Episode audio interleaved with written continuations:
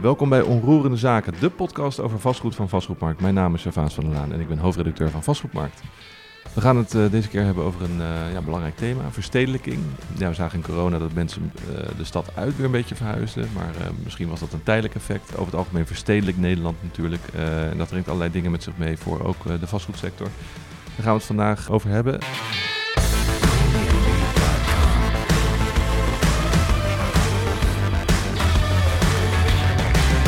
Aan tafel eh, hier naast mij zit Ariana Manduzij, redacteur retail bij Vastgoedmarkt. Welkom Ariana. Dankjewel Spaas. Ik had het net al eventjes over corona. Toen zag je eigenlijk die winkelstraten natuurlijk uh, leeglopen. Hè. Dat was logisch, je mocht ook niet meer shoppen. Met name de A1 winkelstraten in de grote steden. Daar werd het wel erg leeg. Mm Jij bent gaan kijken. Uh, ja. Hoe is het nu met die A1 winkelstraten? Ja, ik uh, heb een beetje de vraag proberen te beantwoorden van wat wordt de toekomst van die A1-winkelstraat? Want inderdaad, uh, dat lag even stil. Op dit moment is de A1-winkelstraat weer aan het aantrekken. Het wordt gezien als uh, echt, nou ja, een van de beste retailgebieden die je maar kan hebben in je portefeuille. Dus het is een core belegging nog altijd? Het is nog altijd een core belegging inderdaad. Maar je ziet wel dat er wat verandert in de stad. Um, als je kijkt naar de geschiedenis van, van een binnenstad, die, die oude pakhuizen en die oude fabrieksgebouwen, daaraan kun je nog een beetje zien dat, dat uh, de functie van de binnenstad anders was. Het was vooral wonen en werken. En dat komt nu terug. Um, je ziet dat uh, bijvoorbeeld in Amsterdam uh, bedrijven als Katawiki en Adyen, dat die echt in de binnenstad gaan zitten met een kantoor. Mm -hmm. um, je ziet bijvoorbeeld V&D-gebouwen waar ook nu um, misschien ook kantoren komen.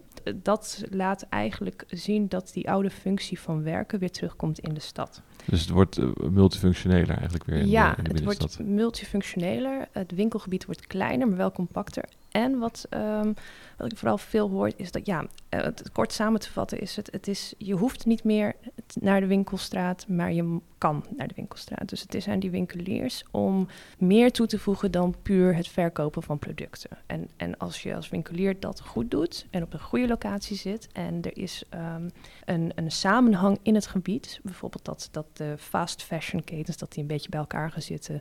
Uh, je ziet dat de CNA bijvoorbeeld naar de Kalverstraat is verhuisd. Uh, want daar zit de Mango en de Zara. En daar zit die doorloop van het publiek wat zij trekken. Ja. Um, wat, wat daar ook mee te maken heeft met, die, uh, met dat publiek, is dat het ook een vrij jong publiek is. En dat heb je ook met de verstedelijking. Er komen duizenden woningen bij in de stad. Maar dat zijn allemaal ook wel vrij kleine woningen. En ook nou, de jongeren die gaan daarheen. Dus het, is, um, het wordt druk in de stad, uh, de, het publiek is jonger en daar speelt die A1 winkelstraat met de beleving zoals een House of Rituals heel erg op in. En dat is eigenlijk de toekomst, om dat allemaal heel um, goed te doen en dat steeds verder uit te werken. En kun je nog iets zeggen over de, over de huren, over de huurontwikkeling in uh, A1-gebieden? Ja, dat, dat gaat uh, best wel goed. Ik sprak een belegger die zegt van nou, we hebben op onze A1, A2 winkellocaties hebben wij geen leegstand. Um, en dat, de, de, die richt zich op de G5 plus mm -hmm. nou ja, Haarlem, Maastricht, nog, nog vier andere steden. Die zijn wel van 20 steden teruggegaan naar 9. Ja. Wat wel een indicatie is van dat daar echt wel de focus op komt bij zo'n institutionele belegger. Dus dat, um, dat je zeker weet van, nou, daar zit je goed. Als je kijkt naar de andere steden en de A2 of de B-locaties, ja, daar is toch wel wat meer werk nodig. En daar zie je ook wel um, dat je daar ook meer wat, uh, zoals uh, een interview noemde, lokale helden kan toevoegen. Zoals nou, de boutiquejes of een, een plaatselijke lokale ondernemer. Die, ja, dan moet je het op die manier een beetje doen. Maar echt de kernwinkelgebieden zijn voor de grote merken die beleving gaan bieden en die mensen aantrekken. En ook dus um, kantoren worden toegevoegd. Maar die ja. kantoren die hebben dan ook weer invloed op die winkelstraat. Want er komen bijvoorbeeld meer lunchtentjes. Want die kantoormedewerkers die willen daar uh, nou ja, goed, ja. ook uh, in voorzien worden. Maar die kunnen dan ook lekker shoppen tijdens uh, hun lunchpauze. Ja, En dus die mensen die, die daar gaan wonen, die, ja, die kunnen dan natuurlijk gewoon in hun achtertuin gaan winkelen. Precies. En dus in naar een supermarktje, een kleine stadssupermarkt. Dus dat wordt ook meer. inderdaad, die ad hoc aankopen. Um, de, vanwege die kantoormedewerkers die dan nog even een shirtje ergens gaan halen of iets anders. Dat, dat wordt ook ja, steeds meer. Dus op die manier wordt het toch een di meer dynamische stad dan dat het de afgelopen jaren was. Het gaat eigenlijk terug naar een hele ja, oude functie, steeds meer. Meer naar een oude functie. Oké, okay, ja. dankjewel Ariana. Het okay. wordt diverser. Um, Peter Ham, redacteur kantoren. Ja, Peter, je hebt net het verhaal gehoord van, van Ariana. Die, die A1-winkelgebieden worden steeds diverser, multifunctioneler. Dan moet ik gelijk denken aan een modeterm, mixed use. Uh, wordt al vele jaren wordt dat geroepen. Jij bent dus gaan kijken van ja, het wordt, er wordt veel over gesproken, maar is het nou eigenlijk wel echt een beleggingscategorie geworden voor, uh, voor vastgoedbeleggers? Ja, ik uh, ontving laatst een persbericht waarin stond dat mixed use de norm wordt. En nou ja, ik, ben, ik word natuurlijk betaald om een beetje sceptisch op te reageren en informatie te filteren op marketing en relevant voor de markt. Maar goed, ik uh, had ook het idee van dat dit best wel eens de moeite waard is om uh, te onderzoeken. Uh, en dat heb ik dus ook gedaan, ook omdat we het over verstedelijking gingen hebben. Ja, klinkt misschien stom, maar ik dacht eerst eens even van, waar hebben we het over? Ja, precies. Wat is, wat, wat is, wat is mixed use? Nou ja, dat, dat weet dus eigenlijk niemand. dat klinkt een beetje stom dus. Maar uh, laat je niet weerhouden hierdoor. Maar ik moet toch even uh, ja, verslag doen van mijn zoektocht. Want uh, nou, iedereen is er wel over eens dat mixed use een klein beetje meer is dan, dan een appartementencomplex met een huisartspraktijk of een horeca of een tent of een stomerij of zoiets dergelijks in de plint. Ja, precies. So far, so good. Maar dan, nou, ik heb gehoord, nou, ga, ga even rustig zitten, maak notities. Ja. Verschillende functies die elkaar ondersteunen. De mogelijkheid die functies aan te passen, maar ook verschillende type gebruikers van eenzelfde type. Mm -hmm. Nou, oké, okay, dus dan heb je eigenlijk al heel verschillende dingen. Want uh, dan kun je het bijvoorbeeld ook hebben over uh, kantoorruimte. En of je die aanbiedt met uh, 50 vierkante meter flexplek of 1000 vierkante meter of meer. Dan heb je het eigenlijk ook al over mixed use, volgens die definitie. Oké, okay, ja. Nou, dat, dat, dat was uh, toen ik te raden ging bij de Technische Universiteit Delft. Uh, waar ik ook te horen kreeg van ja, er is op dit moment niet uh, een algemeen sluitende definitie. Maar goed, ik dacht, ga ook even aan de markt vragen. dus ik kwam ook uit bij Sintes Achmea en daar zeiden ze... Vo voordat wij dat typeren als mixed use is het wel handig... dat niet meer dan 70% van de huurinkomsten uit één functie komt. Oké. Okay, nou, ja. dat, dat vond ik uh, een concreet, uh, ja, concreet criterium. Mm -hmm. uh, voorbeeld daarvan is bijvoorbeeld de Lorenz, hoofdzakelijk een woongebouw bij station Leiden Centraal. Is een behoorlijk groot ding, 36 vierkante meter, 36.000, excuus. Ja. En daarvan heeft, dat is bruto vloeroppervlak, een beetje lastig rekenen, maar de Heineken heeft daar 5.500 verhuurbaar vloeroppervlak.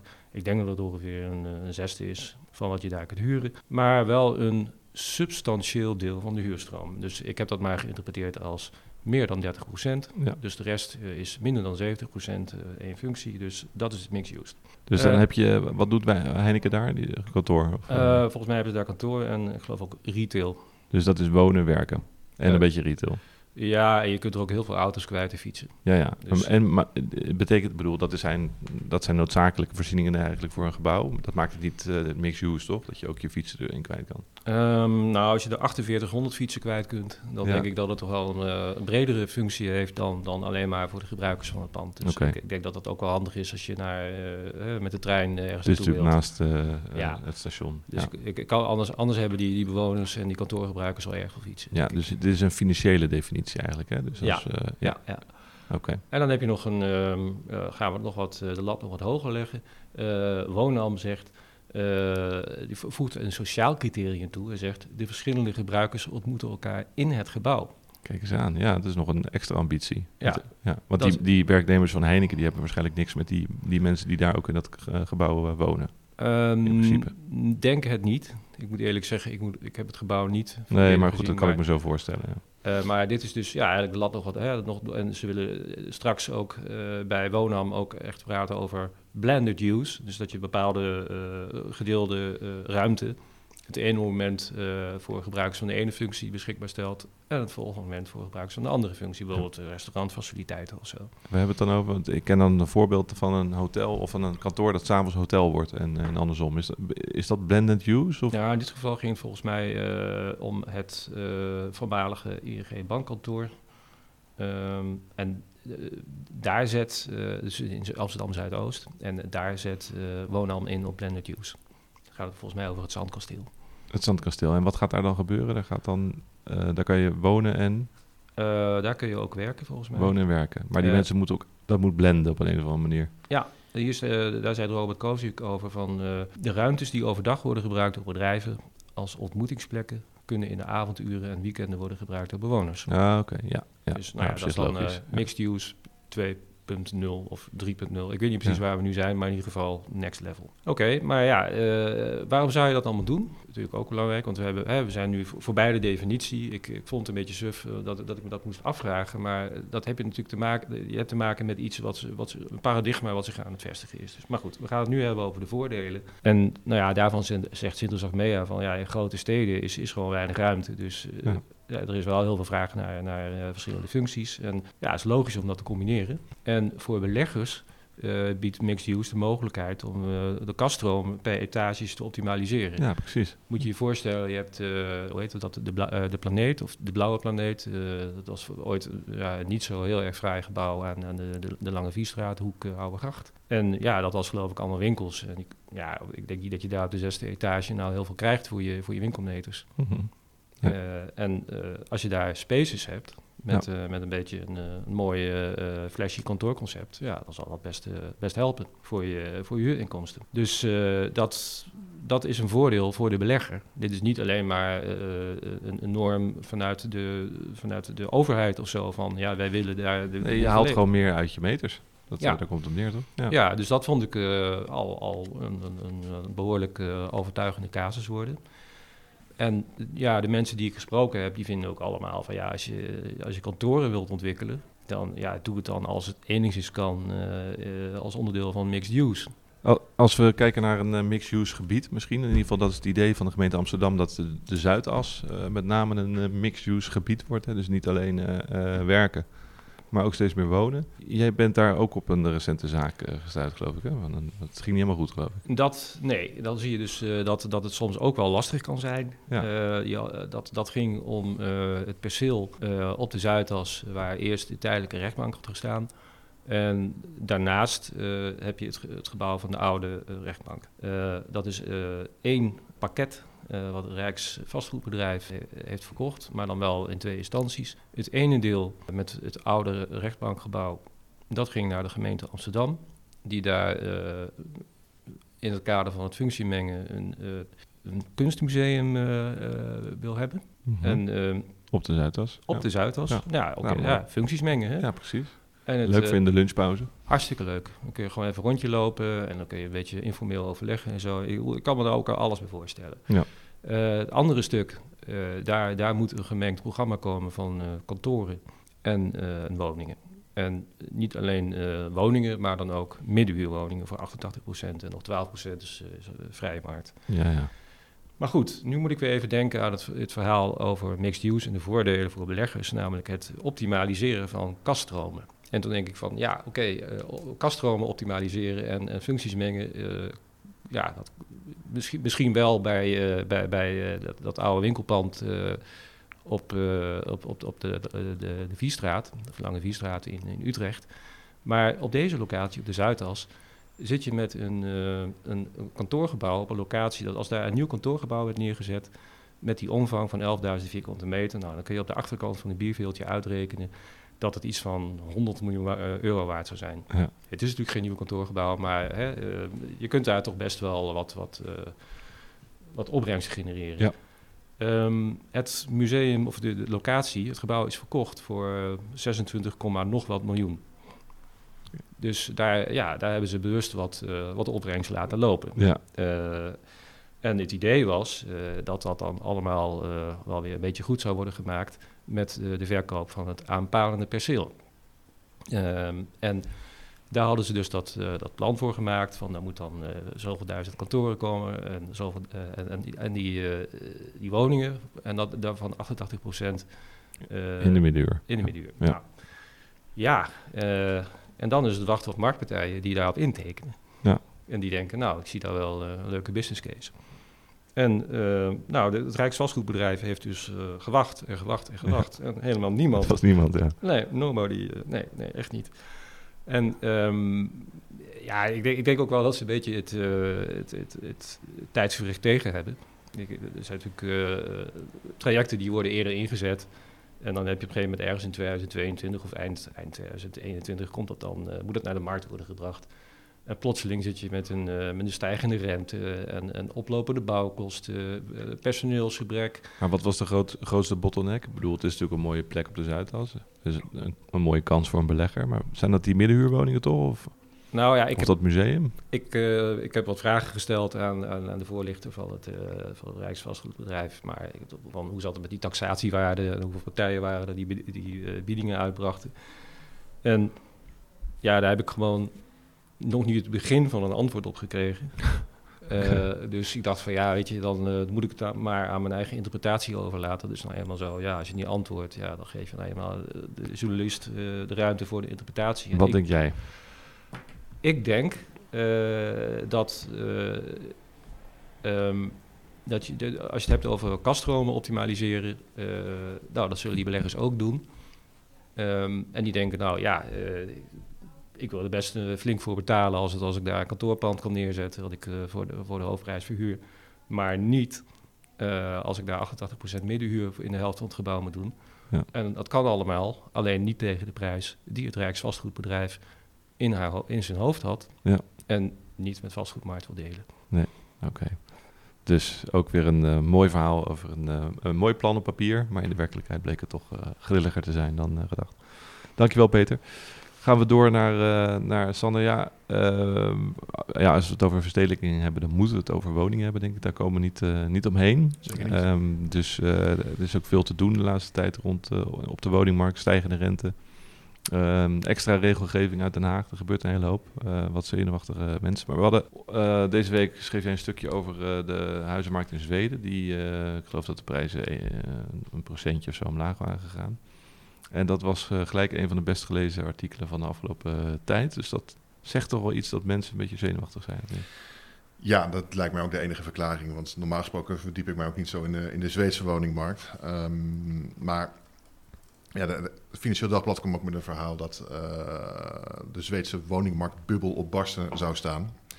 Ja, dan vraag ik me wel af, ja, wat betekent dat voor de Nederlandse situatie, aangezien de Zweedse woningmarkt wel raakvlakken heeft met de Nederlandse. Ik bedoel, hele dure steden, woningtekort, de bouwproductie blijft daar ook achter. Nou, allemaal problemen die wij kennen.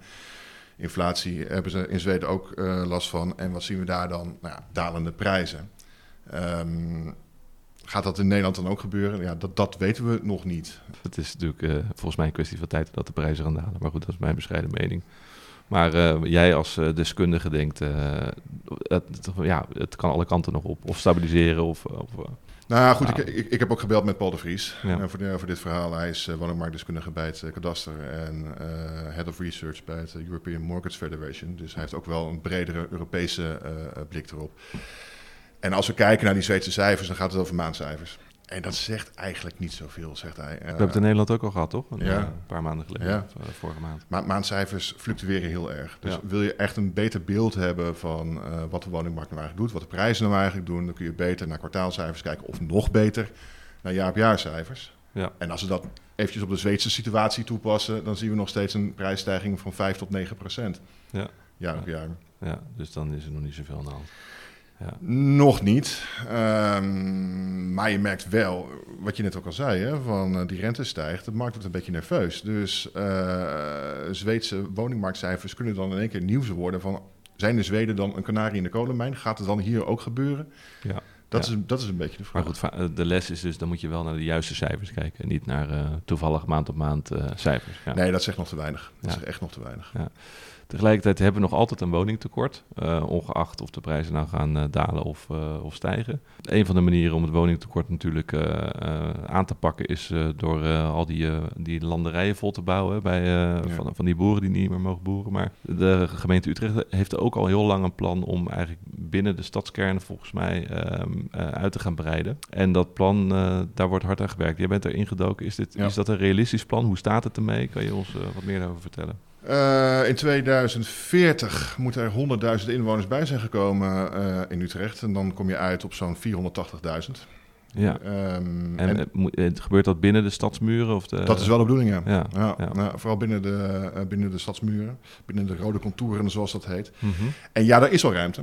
Daar kan inderdaad ook worden gebouwd. Alleen Utrecht kan natuurlijk met dezelfde problemen als andere steden hebben die binnenstedelijk willen uitbreiden. grond moet vaak worden gesaneerd. Je hebt een grote NIMBY-problematiek. Uh, het is duurder, je kan minder volume maken. Uh, dus vooral projectontwikkelaars zeggen, nou laat ons ook in de polders bouwen. Ja. Daar kunnen wij sneller aan de gang.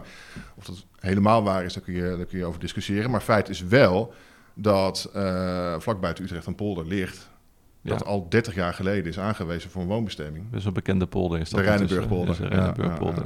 Daar, stonden, daar staan aardig wat stukjes over in de krant. En uh, laatst ook weer een stukje over de ontwikkelaars die daar uh, posities hebben. Ja, ja Investico kwam met een, uh, kwam met een verhaal dat ontwikkelaars een goede lobby hebben in de Kamer. Meerdere Kamerleden ervoor pleiten om die polders inderdaad vol te bouwen. En dat zou rechtstreeks uit de koker komen van projectontwikkelaars die daar belangen bij hebben. ik heb met een aantal projectontwikkelaars ook gesproken. Ja. Uh, zij ontkennen dat, dat ze een keiharde lobby voeren in Den Haag. Wel. Ze ontkennen niet dat ze er belang bij hebben. Nee, nee, nee, nee, nee, nee, dat zeker niet. Nee, nee, nee. Ze zijn wel bij de gemeente Utrecht wel enorm voor aan pleit van laat ons Rijnenburg volbouwen. Ja. Want ze zeggen ook, ja, we hebben die posities 30 jaar geleden aangeschaft op jullie uitnodiging. Ja. En jullie bedoel ik de gemeente.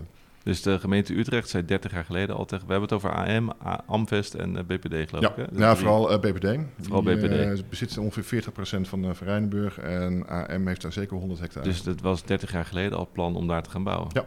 ja. Er is zelfs een gemeentegrens voor, voor verlegd. Er is een gemeentegrens voor verlegd, oké. Okay. En waarom, is er, waarom wordt er dan nu pas over gesproken? Of er wordt al 30 jaar over gesproken dan misschien? Nou, nee, dat valt wel mee, omdat eerst Leidse Rijn nog moest worden ontwikkeld. Ja. maar dat is bijna vol. Dat is bijna af. Oké, okay, dus en, eerst uh, Leidse Rijn en daarna... Ja. Hoe heet dit gebied eigenlijk? Hoe wordt het genoemd? Het, ja, het is de Rijnenburgpolder. De Rijnenburgpolder, dus ja. zo zal het ook uh, gaan heten dan als daar gebouwd Maar goed, zijn, zijn die bouwplannen dan, dan nu officieel? Of, uh... Nee, die bouwplannen zijn er niet. er, worden, ja, er zijn wel bouwplannen voor zo'n 25.000 huizen. Dat is een gedeelte van de polder, zal worden volgebouwd, maar pas vanaf 2035. Ja, ja, dus eerst binnen, binnenstedelijk. Dus Ja. dat plan van die, uh, hoeveel, 100.000 woningen moeten eerst? 60.000 woningen willen Oh, we. 60.000 Ja. woningen. 100.000 mensen erbij. 100.000 60.000. mensen, 60.000 woningen. Ja. En die moeten dan, eh, dat moet eerst eh, gedaan worden. En die, eh, ont- die ontwikkelaars moeten dus nog even wachten. Ja, want de Rijnenburgpolder wordt nu gepland voor energielandschappen, zoals dat eh, heet. Dus er komen windmolens te staan en eh, eh, vooral zonnepanelen.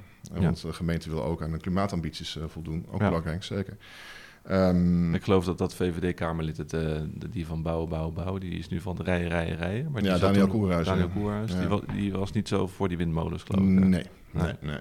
Dus die, eh, maar eventjes terug naar dat plan, binnenstedelijke plan. Eh, is, is dat realistisch volgens jou? 60.000 woningen binnen, binnen de stadsmuren van Utrecht. Het kan, als ik naar de projectontwikkelaars luister. Ik spreek volgende week met de gemeente overigens. Dan eh, zal ik het ook met, met Dat zijn andere projectontwikkelaars dan, neem ik aan. Of gaan zij daar ook... zijn dat weer... die, die binnen de, dat plan van binnen de stadsmuren. Is dat ook AM? Ja, ja, dat zeker. Het Dat is allemaal dezelfde. Ja hoor, dat is ook BPD, AM, dus Amvest. het maakt eigenlijk niet uit. Nee. Ze hebben overal positie. Ze hebben overal precies, maar goed, dat, dat zeggen ze ook. Hè, van, eh, eh, we willen het allebei doen. Ja. En nu mogen we alleen maar binnenstedelijk. Alleen het is natuurlijk voor, En nu ligt die polder lekker voor hun is het goedkoper om in een polder te bouwen. Mm, Ja, dat ontkennen ze hoor. Maar eh, ze zeggen van, ja, er moet eerst een tramlijn naar die Rijnenburgpolder worden gelegd voordat wij beginnen te bouwen. Ehm, maar als wij geen concrete plannen mogen ontwikkelen, gaat die tramlijn er ook niet komen. Dus iedereen Ja. zit op elkaar te wachten. Ja. Dat is hun voornaamste eh, eh, kritiek. Maar even wat ik hoorde net toevallig belde iemand die zei... er liggen nu 19 hoogbouwprojecten stil... vanwege de gestegen bouwkosten op dit moment... in Den Haag en Rotterdam met name. Ja, de, de, de rente loopt omhoog. Nou, Is dit op dit moment haalbaar, zo'n zo'n plan in, binnen, in de binnenstad? Ja, dat is de grote vraag. Ehm, ik sprak van de week met de AM en die zei... van, de projecten die wij nu aan het maken zijn... daar eh, gaan wij kostentechnisch niet uitkomen. Nee, daar gaan ze op verliezen. Daar gaan ze op verliezen. En nou goed, dat is in dit geval is dat nog niet zo heel erg. Maar als dat blijft, ja, dan heb je natuurlijk een probleem met je bedrijfsmodel. Ja, en dan kan de gemeente daar misschien iets in doen. Wellicht er is een woningmarktimpuls. Eh de gemeente heeft er ook eh, geld voor, eh, voor vrijgemaakt. Maar of ze dat Want ik neem aan dat die gemeente ook wat eisen heeft over die woningen die daar moeten komen. Dat zullen niet allemaal woningen van een miljoen, miljoen plus zijn. Nee. Nee, nee. daar- ik geloof, dat zeg ik even uit mijn hoofd, dat moet ik nog even checken. Maar dat 35 tot 40 procent in de middenhuur moet gaan zitten. Ja, En koop. ja precies. Dus dat, ja, dat zag je natuurlijk in Amsterdam, dat, dat het daar wel eens op, op stuk liep. Ja. Op die, eh, Ja. Maar goed, dan was, de, dan was de grond vaak van de gemeente. En in dit geval hebben ze de grond al, begrijp ik. Ehm, nee, over het algemeen is het grond van, eh, van de projectontwikkelaar zelf. Ja, dus dat probleem de gemeente Utrecht heeft heel weinig grondposities. Ja, ze hebben, ze hebben de grond al. Dus eh, ja, alleen nu nog gaan bouwen. En de duurzaamheidseisen komt er ook nog bij. Die komen er ook nog bij. Ja. Dus, Maar wanneer moet, moet het af zijn? In 2040. Ja. Dan moet, eh, eh, eh, dan moet Utrecht met 100.000 mensen zijn uitgebreid. Dan moeten die 60.000 woningen moeten er dan staan. Dus jij bent een eh, Utrechter, Utrechtenaar. Over- Utrechter. Utrechter, sorry. Over 18 jaar dan drinken we dan een biertje in een van de buurtkroegen daar. In 18 jaar kan natuurlijk ontzettend veel gebeuren. Hè? Dus, maar goed, om, om een voorbeeld te geven. Eh, eind jaren 90 eh, is men begonnen met de aanleg van, eh, van Leidse Rijn, de grootste Phoenix-locatie van, van Nederland. Die is nog steeds niet af. Nee, maar er is wel aanzienlijk veel gebouwd daar. Er is aanzienlijk veel gebouwd, Ja. inderdaad. Er is ook nog een crisis tussendoor geweest. Plannen zijn tussen, tussendoor aangepast. Maar Leidse Rijn is nog steeds niet helemaal af. En we zijn meer dan 20 jaar bezig. En nu is er 18 jaar voor 60.000 woningen. In Leidse Rijn overigens zijn er ongeveer 30.000 à 40.000 woningen gebouwd. Dus, Ja, ja. dus eh, het wordt een Ja, uitdaging. die 18 jaar gaan ze natuurlijk nooit halen. Maar goed, eh, volgens mij op deze verhitte woningmarkt... dus elke woning die er, die er gebouwd wordt, is, eh, is welkom. Er zijn in ieder geval plannen.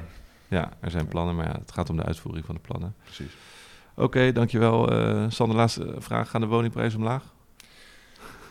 Oeh, nou echt iedere econoom die ik spreek, die waagt zich nooit aan voorspellingen. Hè? Ja. Dus eh dat is voor mij ook eh, gevaarlijk. Maar ik ben geneigd, eh, Paul de Vries en de Rabobank in te volgen, dat we eerder een afvlakking, stabilisatie zien van de prijzen. Omdat de onderliggende vraag natuurlijk nog steeds wel heel hoog is. Oké, nou dan zetten we een flesje wijn op. Ik denk dat ze omlaag gaan. Je hebt net een flesje wijn gekregen, dus die kan je mooi inbrengen. Oké, nou dan ga ik mijn eigen KV weer inzetten. Dan. Oh ja, eigen Ja. is het. Heel goed.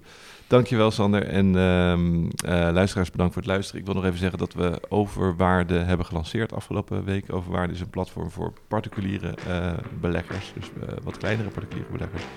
Die kunnen daar allerlei mooie informatie en mooie stukken op, op lezen op overwaar.de. Dus eh, nou, tot zover de reclame. Dank jullie wel voor het luisteren naar Onroerende Zaken en graag tot de volgende keer. Dag.